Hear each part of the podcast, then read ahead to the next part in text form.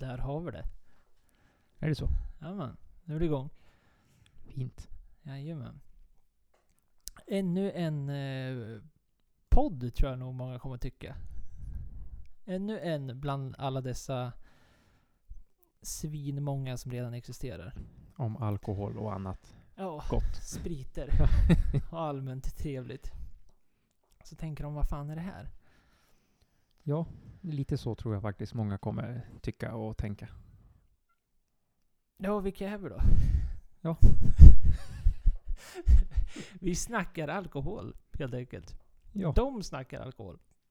Jajamän. Och vi är dem och eh, vi är Marcus. och Viktor. Ja. Och vi tänker snacka alkohol. Svårare så är det inte. Nej. Och vi tänker väl... Ja, vad tänker vi med den här? Nej, men vi tänker väl att vi har väl ett ganska brett allmänt intresse av alkohol. Båda två har haft. Det är liksom vi eh, gillar att dricka det mesta. Allt från öl till gin till whisky till rom till vad det nu kan vara. Allting med en alkoholprocent Ja, oftast. kan man säga. Ja. Säger vi på ett oskyldigt Ja. sätt. Nej, och det, det, man, det man ser när man kollar ute och försöker hitta, det finns ju otroligt många duktiga poddare där ute. Som täcker många ämnen. Det finns duktiga whiskypoddare, det finns duktiga inom vin, det finns inom öl och så vidare. Men, men vi ska väl försöka få det här lite överflödiga, så att säga. Vi ska försöka fånga in mycket där. Ja, och inget supernördigt kanske om själva destilleringen eller tillverkningen, utan det runt om och om själva drycken. Ja, precis. Nej, för själva processer om hur saker och ting går till och det är druvor hit och dit och så vidare. Och det finns det folk som gör, skulle göra det otroligt mycket bättre än vad vi någonsin skulle kunna göra. Så att, Oh ja. så att eh, det tänker vi inte ägna oss åt. Men eh, så det vi tänker ägna oss åt är helt enkelt spritsorter, alkoholdrycker i överlag. Försöka få med det mesta och nyheter kring dessa.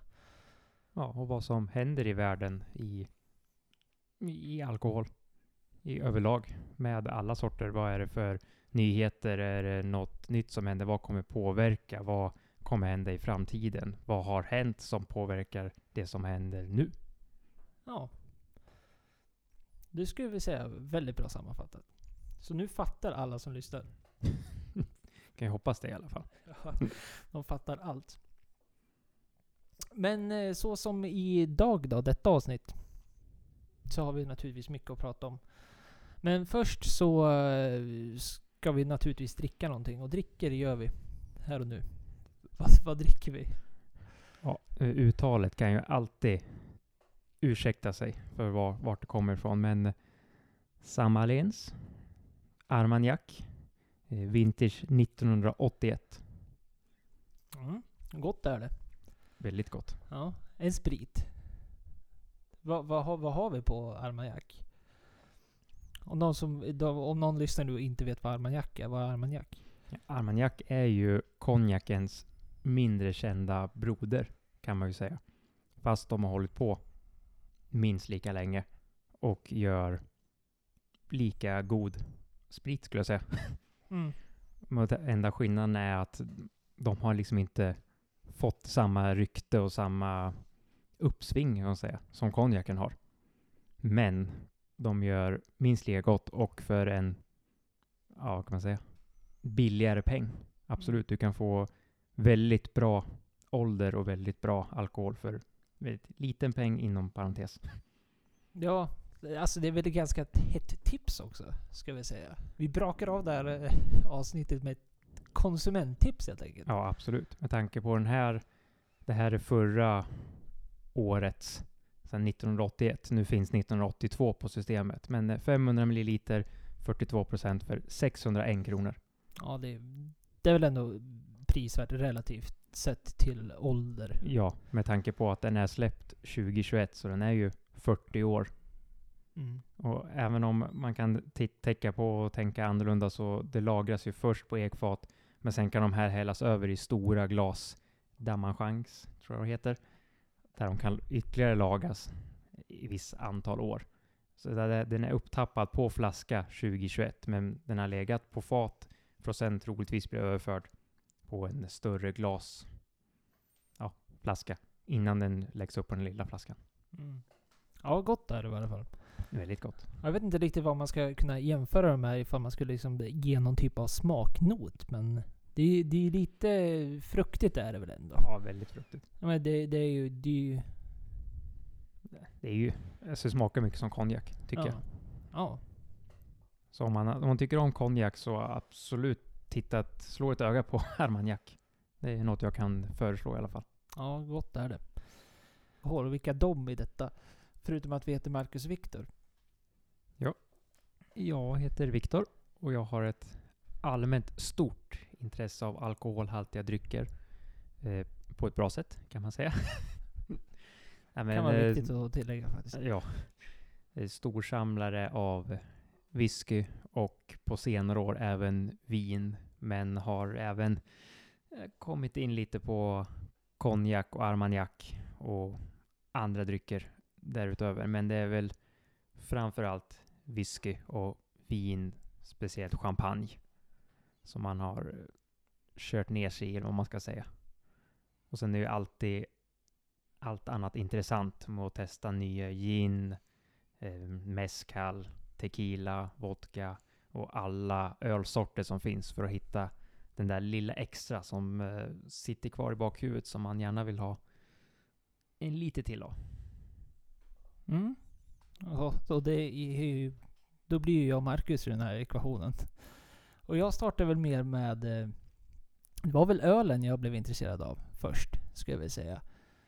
Och eh, sen har det liksom blivit av lite av ett paraply till eh, resten av alla alkoholhaltiga drycker vi har där ute. Men på senare tid, förutom ölen, så har det väl framförallt varit whiskyn för min del. Som man har lagt mest intresse i, så att säga. Eller i whisky och rom, skulle jag vilja säga. Men sen även där man liksom avnjuter alla typer av drycker och har ett brett intresse om många drycker. Men som ja, men ni som lyssnar också vet är att man kan inte lägga hur mycket tid som helst på allting. Det, det finns bara inte. Det finns ju så otroligt mycket där ute. Men om vi ska jämföra oss själva så är väl du lite mer av den, den samlare, excentriska samlaren. Du har ju du har en hel del. Ja, jag har ju samlargenen, eller vad man ska säga. Det började väl lite smått intresse som snabbt gick överstyr, eller vad man ska säga. Inte på något dåligt sätt, men eh, det är alltid det här oh, den här vill jag ha, oh, den här vill jag ha, oh, den här vill jag ha. Och så vidare. Och sen börjar man leta sig framåt och testa och hitta sina favoriter. Och sen kommer alltid den här man ser på nätet och Facebook och Youtube, att någon hyllar den här flaskan. Då blir man ju mer intresserad av att ha den. Och sen spårar det alltid ur till nästa, så börjar med vin och då blir det samma sak där. Men samlandet har växt väldigt mycket de senaste två, tre åren skulle jag nog säga. I alla fall. Ja. Ja, och det, det, det syns. Och hyllorna därmed också. Expert på att montera IKEA billighyllor efter. Ja, det, det, är inte, det är inte så svårt när man har gjort fyra stycken. Sen har man inte så mycket plats heller, så då måste man ju börja tänka på andra hyllor och då är det ju svårt. När man inte har så mycket höga tak eller vad man ska säga, så man kan inte ha för höga hyllor. Då måste man köpa någon mindre hylla.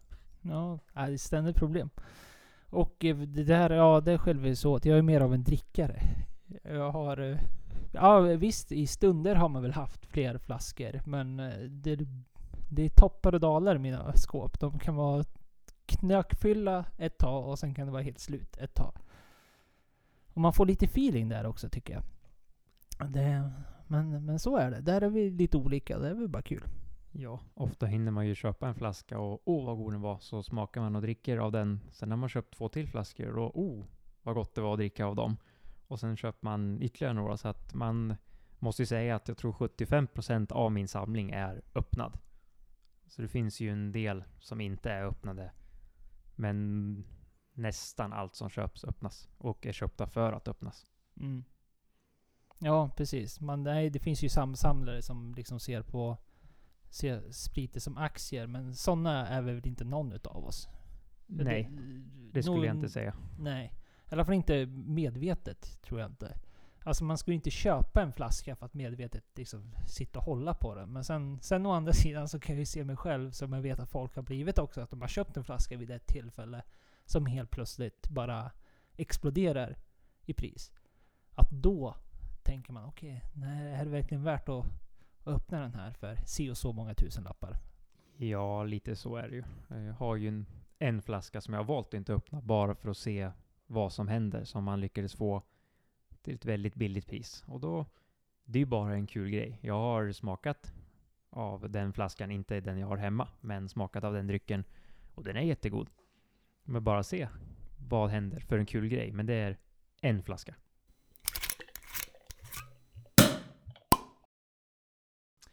Då ska vi se då, det första nyhetssegmentet. Är vi sådana här nyhetsankare fast, fast inte alls. Och då har vi ju precis nu klivit in i ett eh, nytt år. 2023, så vi har ju liksom hela, hela 2022 händer ju men relativt mycket. Absolut väldigt mycket sett från en världsbild. Men just från om man ser i alkoholhaltiga drycker så har det ju inte hänt sådär jättepositiva saker i det stora hela. Nej, det skulle jag nog inte säga. Mycket skit tyvärr. Och eh, vi hade ju till att börja med så hade vi väl eh, dyrare priser rent i allmänt liksom. Det var redan i våras, om folk minns det. Våras 2022 tror jag, som de första kom. Och sen kom den stora allmänna inom Systembolaget i, eh, på sensommaren, där i augusti någon gång. Där då, eh, ja från september blev det då att prisökningen ökade med ungefär 2% i, i, på allt då. Så att eh, en öl blev en krona dyrare exempelvis. Om man, om man är intresserad och är alkoholentusiast, som vi ändå är, och vill testa mer och sen har man sina favoriter som man gärna alltid vill ha hemma. Om det är öl, vin, eh, whisky, rom, konjak eller andra alkoholhaltiga drycker så blir det alltid tråkigt när de priserna ökar så gör att mm, då blir man lite så här, ja nu, nu kostar den här så mycket. För alla har ju alltid ett tak som man kan tycka är, det här är min maxgräns, jag lägger inte mer pengar. Och det, det, är ju helt beroende på vem man är som person och vad man har för plånbok. Det är ju helt upp till var och en och alla har olika. Så det är vi fullt medvetna om. Men det är ju inget roligt när man ser vanliga flaskor gå upp och bli, ja, känns som 100 kronor dyrare på ett år. Som, eh, ja det spelar ju ingen roll, 100 kronor är 100 kronor, det är fortfarande mycket. Ja men verkligen. Och det adderas väl på... Det var ju framförallt champagne också. Där under 2022 på våren. Där eh, det var, det var skörden 2021. Där de då gick ut och sa att 40% av skörden i champagneregionen alltså uppgås att gå förlorad under 2021. Vilket då ledde till naturligtvis att eh, priserna 2022 ja men sinade iväg. Alltså de ökade. Det kanske inte blev någon radikal prishöjning. Men där kanske man inte har sett det värsta heller än. Nej, jag tror inte det. Jag tycker som en annan som har blivit mer och mer intresserad av champagne så är man ju såklart lite sucker för de här finare märkena som man känner, ja, som alla vet. Och då vet jag ju till exempel att när jag började intressera mig så till exempel Dom Perignon låg för ungefär 1500 runt där. Och nu ligger ju den uppe på, om jag inte minns fel, 2000. Och jag menar, det är en ganska kraftig ökning. Men såklart, det är deras prestige. Den görs inte jättemycket. Det är ändå många flaskor som produceras av den jämfört med många andra. Men det är fortfarande en stor höjning som konsument med tanke på att när du öppnar flaskan, då är den öppnad och då måste du dricka upp den. Mm. Och var Chandon Moet som sa att eh, deras lager hade tagit slut. Ja. Var inte det 2022? Ja, och det är ju ändå en av de mest köpta champagnerna någonsin. Så de producerar ju rätt mycket av deras helt vanliga Imperial. Ja. Ja, så där händer det väldigt mycket tråkigt för champagnefolket naturligtvis. 200 kronor per flaska säger de att vissa producenter ökade med under 2022. Så det är ju naturligtvis inte trevligt alls. Nej, det är, det är ju ett ganska hårt slag. Men det är såklart att eh, producenten måste ut ett högre pris om de inte kan producera. Och det är ju tyvärr den världsbilden som har varit på alla kedjor och alla marknader under hela året. Det spelar ingen roll om vi tittar på perspektivet alkohol, så titta på eh, bilar och matvaror och allting så är ju allt har ju blivit dyrare.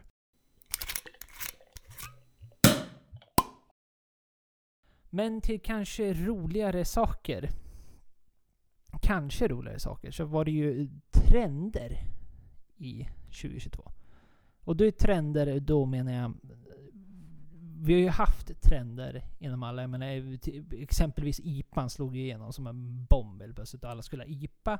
Sen gick man på en IPA som skulle alla ha suröl. Sådana typer av trender. Och 2022, det verkar i alla fall, efter man har gjort lite research, som att den största alkoholbomben var just i drinkar. Vilket kanske inte någon av oss är så jätte... Nej, en, en god GT, det är alltid gott. Men det är väl typ så långt man brukar ja, man, komma och det är ju inte jättemycket. man sträcker sig gärna inte längre. Och sen det, alltså det, det är gott, så jag säger inget annat. Jag tycker ju om eh, whisky sour exempelvis och så vidare. Men men man står där, man skakar och man har sig och man gör ordning där. Sen tjopp säger det så är det slut på... Ja, det, det är mycket arbete för den där lilla... Nu låter det kanske inte låter alls bra det där men det... tjopp som i ett oj vad gott det var. Nu tog det slut. Ja men lite så kan ju en annan tycka också. Så man har ju provat olika drinkar och det kommer alltid finnas de som är bättre och de som är sämre.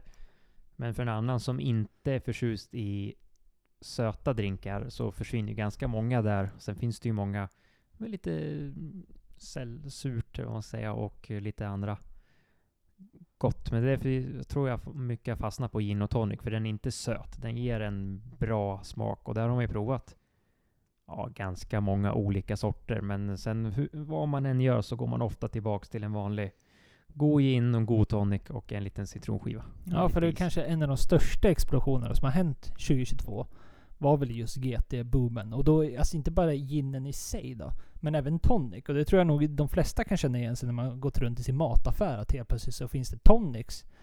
Men förut var det när man såg det var så här, eller först såg man det, om de som kommer ihåg den här klassiska plastbacken. De här röda, så fanns det något elände där inne, vad det nu hette. Så var det Schweppes. Ja, ja, det var något så här, jag kommer inte ihåg, det var något typ turkos. Det var länge sedan man såg dem i alla fall, men som användes till drinkar. Men annars är det Schweppes, med allt jag sett. Mm. Sin gula. Sin gula vanliga logga. Och det kan ju en annan tycka är roligt att det kommer in de här Ekobryggeriet och Britsvik har kommit in. Sen finns det ju Gans Sweet Tonic gör ju bra tonics också. Det finns ju väldigt många, jag ska inte nämna fler så att någon glöms bort, utan vi, jag har provat många av de här tonikerna och jag tycker att det är absolut värt att lägga de kronorna och köpa en bättre tonic än att köpa en en och en halv liter Schweppes. Du får en bättre drink med dem.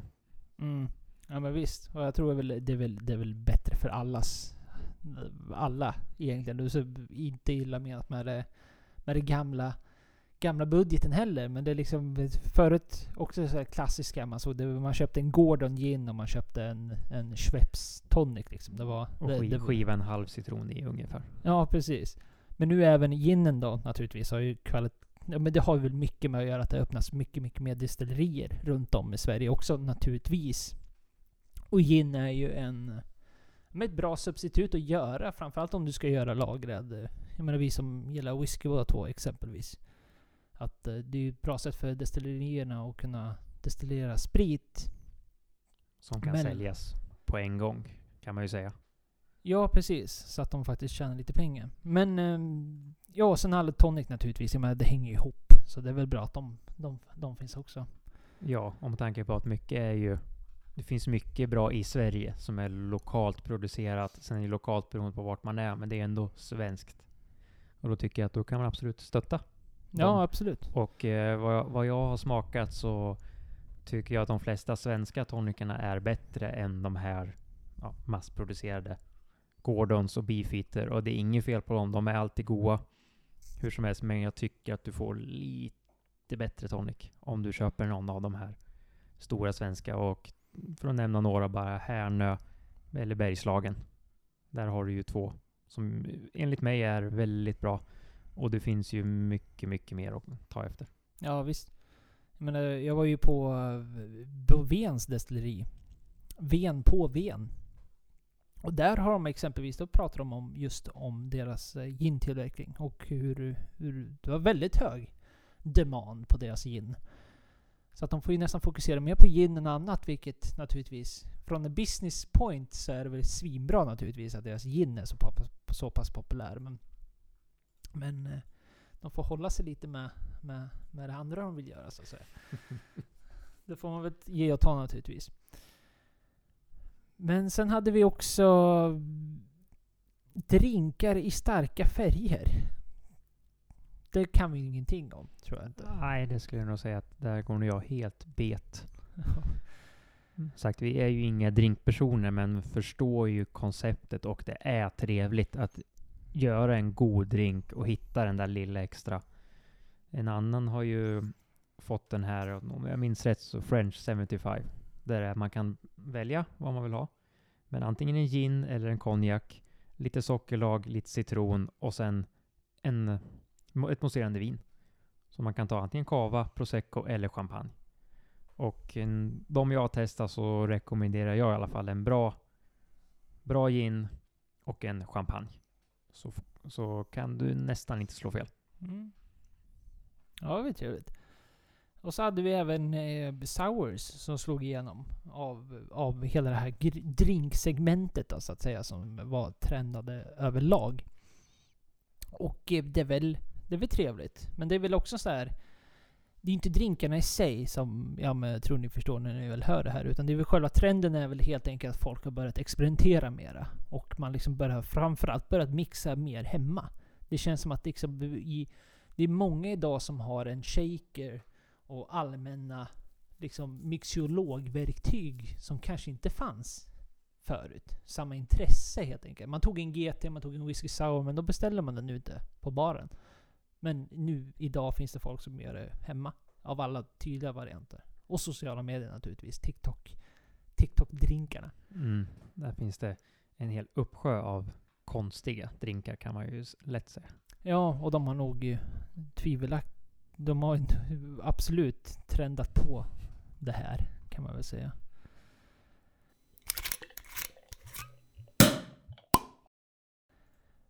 Men sen eh, mer 2022 så... Det, som sagt, det var inte så jättemycket positivt, tyvärr. I alla fall inte de här stora allmänna nyheterna. Och eh, det var väl ekonomin naturligtvis. Eh, dels så har vi ju elsituationen som den var som man har varit nu i Sverige. Vilket har gjort att eh, många mikrobryggerier, lokalbryggerier och även mässor och så vidare har varit, tyvärr varit tvungna att stänga ner.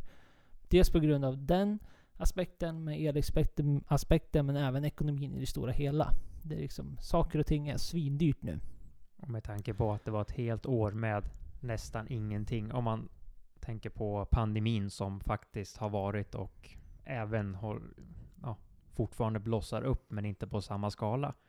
Så jag tänk, om man tänker sig att det är ett till två år av inga inkomster alls.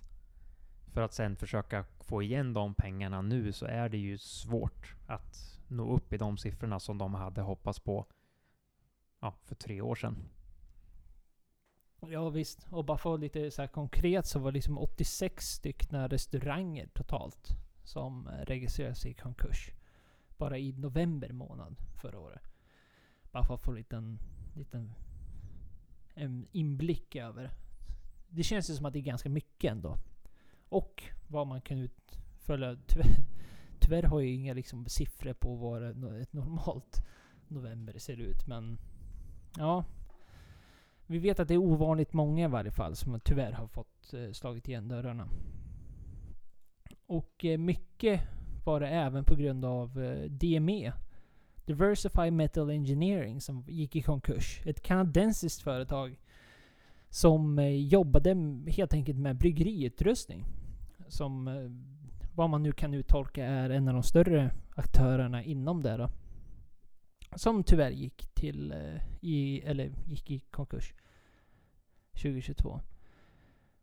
Vilket då naturligtvis också har lett till att folk har varit tvungna, bryggerier då, varit tvungna att lägga ner för att det helt enkelt, helt enkelt inte finns någon utrustning. Och har man ingen utrustning då kan man inte brygga någonting och då kommer man inte in några pengar. Så att det liksom, det bottnar väl i ekonomi där med då naturligtvis, men av en annan anledning så att säga.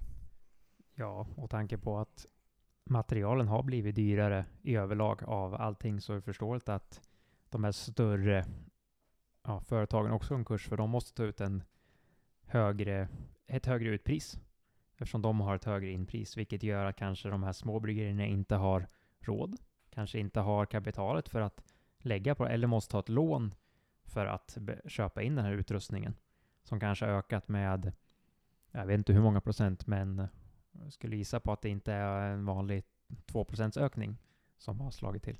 Det tråkiga är väl att även att det är väldigt många bryggerier där ute som har beställt prylar och sen har de gått i konkurs. Så att de helt enkelt, de har betalat för de här prylarna de inte kommer få helt enkelt. Jaha, för att då lämna 2022 bakom oss, även om det var naturligtvis en väldigt snabb recap om eh, vad som hände. Det är ju absolut det största. Men eh, det blir lite... Det blir lite copy-paste på det hela, lite echo. För att eh, 2023 så... Det slutar ju inte. Med, eh, med att saker och ting blir dyrare inom eh, alkoholvärlden. Vi har ju Öl, vin och sprit blev dyrare. Skatten från och med eh, den 1 januari i år, 2023. Och då ökade skatten på öl och vin med 5% och med sprit med 1%. Och det är naturligtvis om man då tänker den allmänna situationen 2022 där med allt ifrån att det liksom var eh, produkter fysiska produkter så som det här bryggeriet som gick i konkurs, att bryggerier inte kunde göra sitt. Och det ledde till en viss typ av eh, konkurs, vilket i sig då naturligtvis eh, bidrar till en svårare ekonomisk situation för många runt om. Och eh, så har vi champagnen då, som dålig skörd. Och så har vi ja, den andra stora händelsen då som har gjort att eh, saker och ting allmänt har höjts runt om. Så kommer en eh, skattehöjning nu då på alkoholen.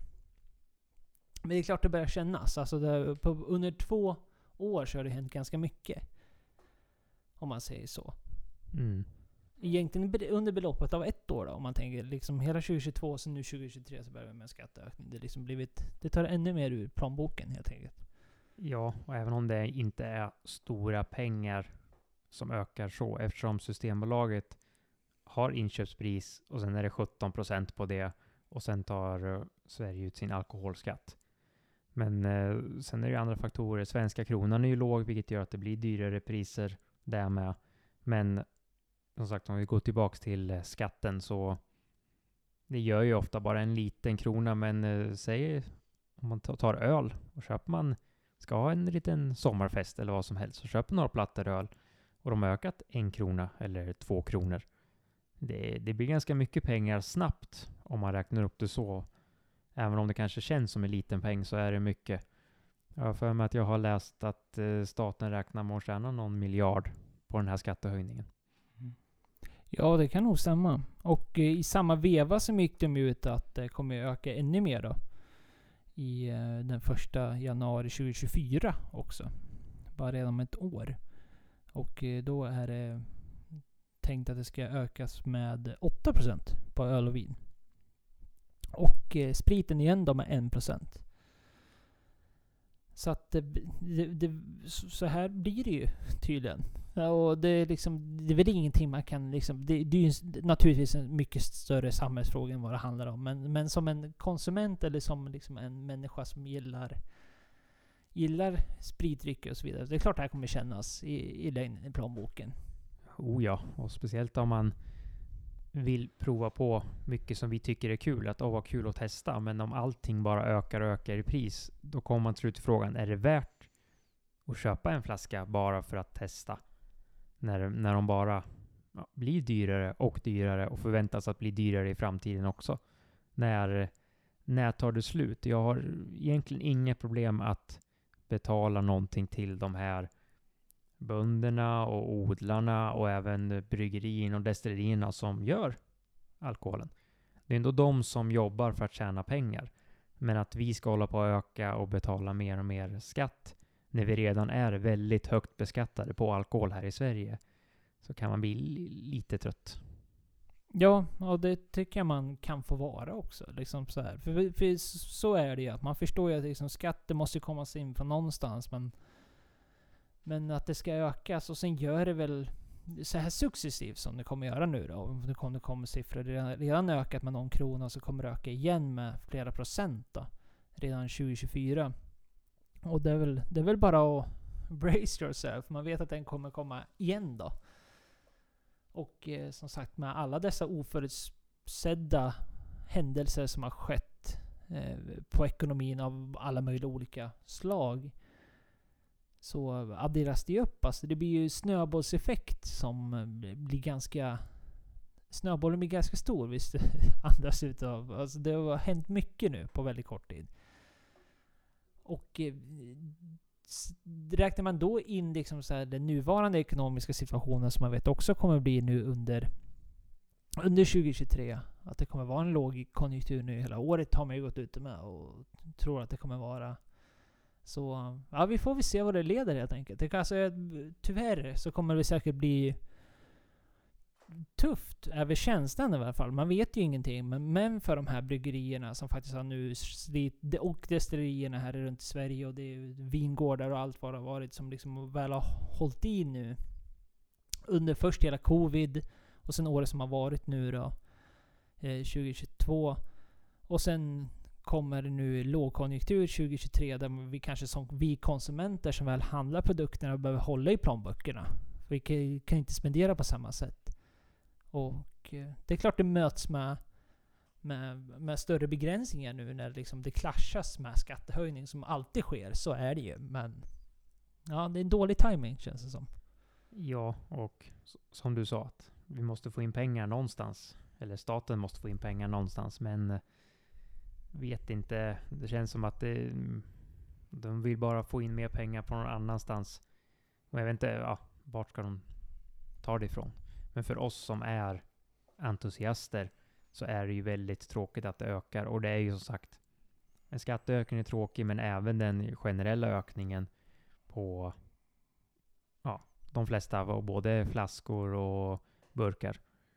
Så blir ju en, det blir en stor, stor summa som skiljer åt sig om man jämför med vi som har hållit på ändå i några år och köpt och vet om när flaskorna kostade si och så och så ser vi att samma flaska vi köpte för fyra år sedan har ökat med 100 kronor, 200 kronor.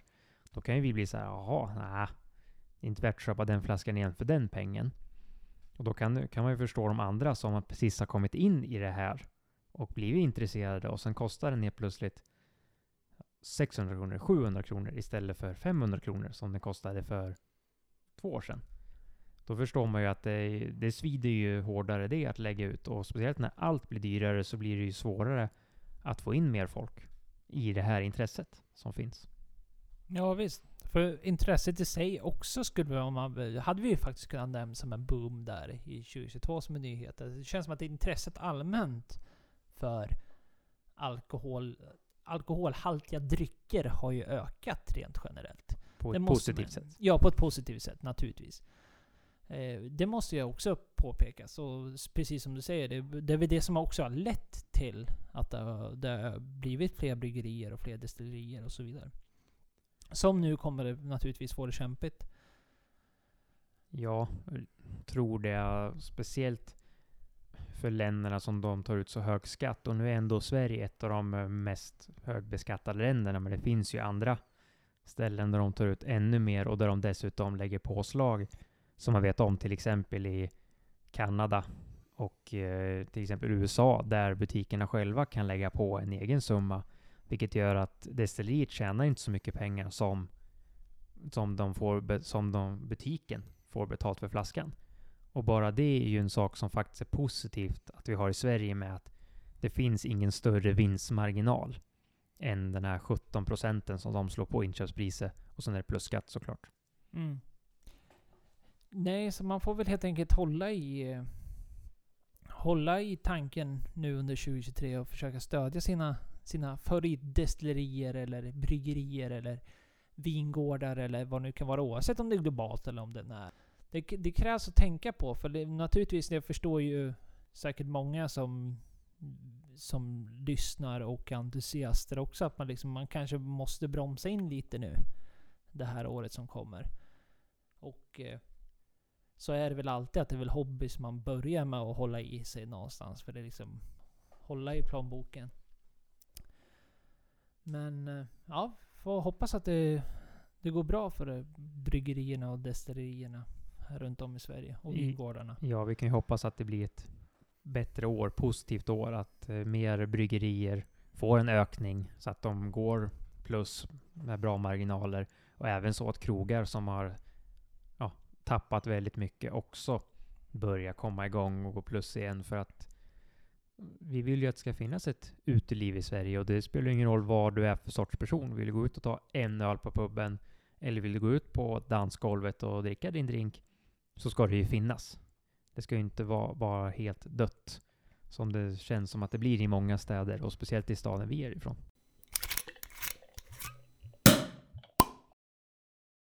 Och något mer som har hunnit hänt nu under 2023 är ju att Systembolaget har ändrat tiderna där de har sina webblanseringar.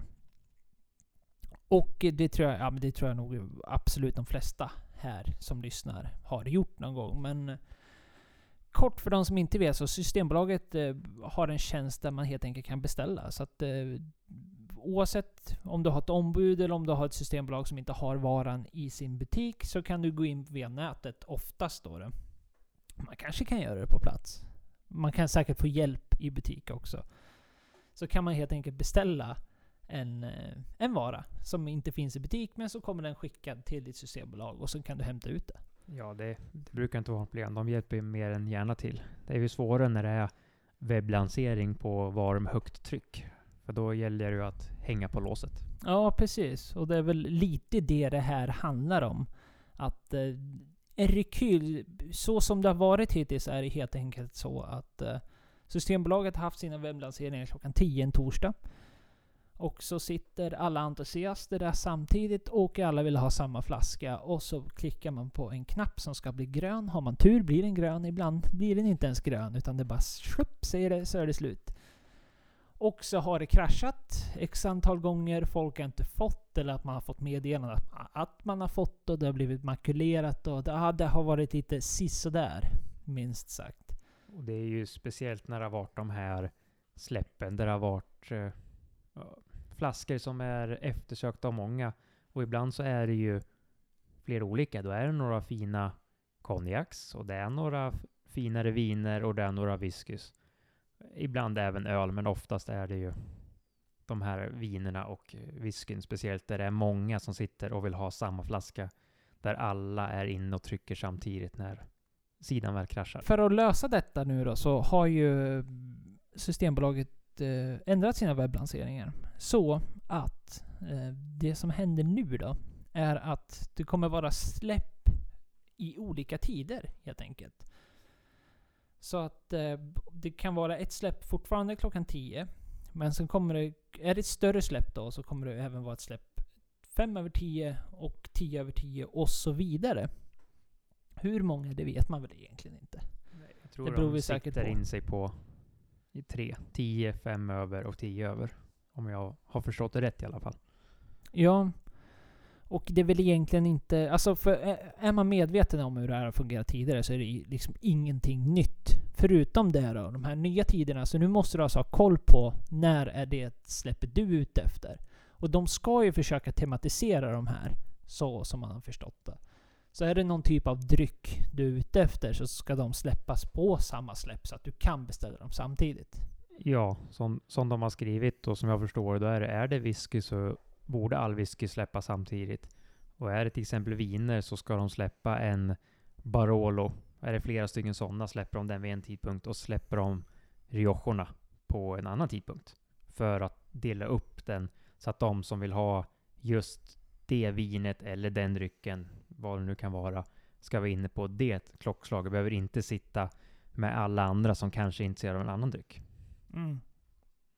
Och så kommer de införa en bekräftning på sin bokning. Den kommer de ut och säger att den ska man ha gjort då klockan 12 samma dag som släppet har varit. Och det innebär helt enkelt bara att man bekräftar sin bokning.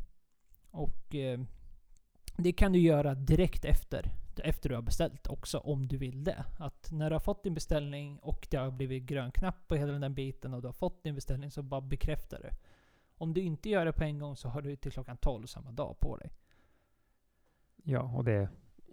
För en annan, jag ser inget problem med det, utan det är väl... Jag bekräftar alltid direkt.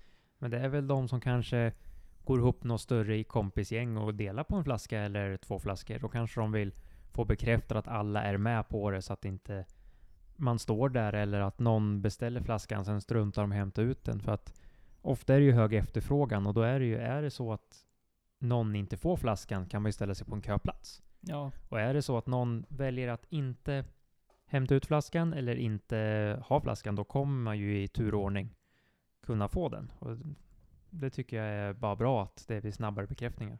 Ja, precis. Och det är ju så de skriver Systembolaget själva då. Att liksom eh, den här kortare bekräftelsetiden så kommer det då effektivisera, effektivisera deras leveranser, påstår de. Så att eh, det, allt som allt så verkar det som en positiv sak. Ja, och jag var ju tvungen att mejla Systembolaget för att säkerställa, för de gick ut med att det var webblanseringar, men de skrev ingenting om något annat. Och så fick jag till svar att eh, tiderna för när varje vara ska släppas kommer synas kort innan lansering, alltså någon dag eller några dagar innan. Det kan dock ändra sig upp till lanseringsdagen om något oförutsett händer. Släpp på andra dagar så finns det inte några planer för att ändra det, då det, är samma tryck på, då det inte är samma tryck på dessa varor. Så ja, det är fortfarande 10 som gäller och alla andra dagar än torsdagar. Så att eh, då, då är det ju egentligen torsdagen man måste hålla koll på. Men det är ju ett lite högre tryck och lite svårare att göra. För jag vet ju många som är entusiaster vet att 10 släpps det så att det är ju kanske ganska lätt att smita undan en, två minuter på jobbet om man sitter där eller på något möte. För att gå in på Systembolag klockan 10 försöka få sin vara och sen gå därifrån. Men vi som är entusiaster i flera olika drycker så blir det helt plötsligt kanske tre tider att hålla koll på och gå ut, in, ut, in och bekräfta. Och det kan jag tycka som har ett sånt jobb där jag har svårt att smita undan. Att eh, det kan vara ett litet problem. Mm, och det tror jag nog att många kommer känna också. Framförallt om man ja, men, är som oss då. Precis som du sa, om man är entusiast inom flera drycker så kommer det naturligtvis påverka på ett annat sätt. Medan jag tror att är du entusiast, om du kanske bara bryr dig om vin eller rom eller whisky eller vad det nu kan vara, då kan man nog se det här som positivt. Att man äntligen kanske kommer släppa de här, eller slippa de här krascherna och så vidare. Och det är väl ett problem som liksom har varit... Eh, jag vet inte hur stort problem det var. Alltså personligen om man säger så, då, så kan jag inte påstå att det har, det har... Jag har varit med om någon enstaka gång när jag liksom fått säga beställ, fast det har inte varit på en sån här stor webblansering, utan det har liksom bara varit ett vanligt släpp. Och så har man- fått till sig att man eh, har fått en bekräftelse. Och att jag skulle ha fått varan för att senare få ett till sms där liksom har makulerats för att det blivit något fel då. Mm. Och då har det ofta varit på tillfälligt sortiment där de bara släpper 10 och det är inget det är ju ingen webbsläpp. Det blir ingen knapp som blir grön utan du kan ju faktiskt lägga den i varukorgen och sen går du in där innan 10 då står det går det att beställas. Men uppdaterar du eh, efter 10 då står det ju beställ. Mm. Så då kan du ju beställa den så. Så det är ju ett det är nästan ett mer lotto där än vad det är på webblanseringen. Sen beror det ju absolut på vad det är för sorts dryck. Hur populär är den drycken? Hur många flaskor kommer? Kommer det 50 flaskor till systemet och man vet att det här är många som vill ha, ja då har du ju en mindre chans att få den. Ja, och så är det ju. Och det, det handlar liksom inte om... Det ska ju bara inte hända. Och det har väl hänt flera gånger så som jag har förstått det. Så att det liksom är ju på, på de större släppen då. då. Så att det är naturligtvis det är någonting förbättring som måste komma som de nu försöker med det här. Så får vi helt enkelt se hur, hur kommer det funka eller kommer det inte göra någonting. Det, visar väl sig. Men troligtvis så kommer det funka. För det är, liksom, det är krascherna som har varit det största problemet. Alltså trycket på servrarna helt enkelt. På Systembolaget. Att det är för många som sitter där och tok uppdaterar sina sidor för att den där knappen ska bli grön. Och sen liksom tjoff säger det bara. Ja, och eh, vissa gånger har man varit på den tråkiga sidan och inte fått något. Och vissa gånger har man varit på tursidan och det har kraschat. Men man har fått alla flaskor man ville ha ändå för att man har varit lite ivrig och tryckt på.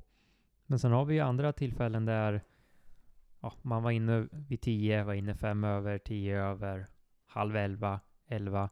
Och så är det någon som går in vid 12 och bara, jag fick en flaska. Som inte hade koll på släppet och inte visste någonting men bara av en ren slump gick in och tryckte så att man kan ju ha den turen också. Ja, så är det väl. Ibland ska man ha tur.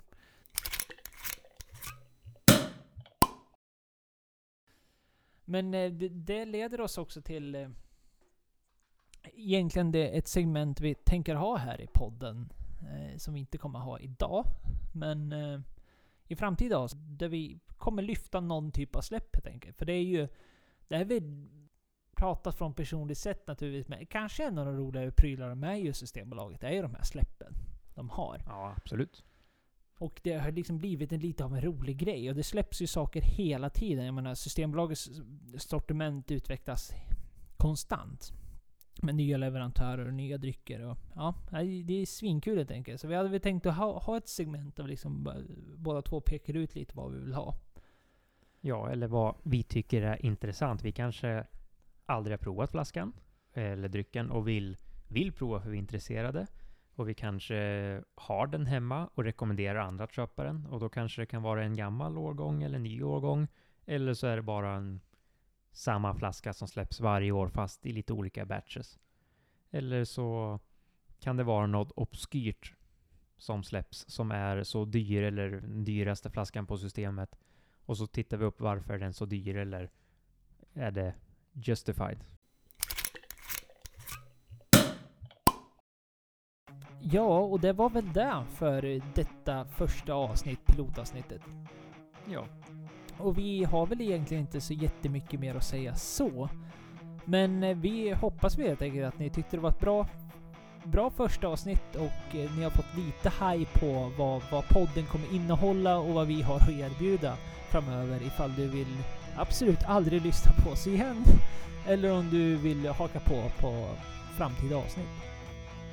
Mm och eh, i din poddapp. Är det Spotify, är det Acast eller är det Youtube du kan sitta och lyssna på det här så finns det ju en gilla-knapp eller det finns någon typ av rating-system eller någonting. Du får gärna säga vad du tycker där. Men annars tackar vi för oss. Ja, tack så mycket. Hoppas att vi hörs igen. Yeah.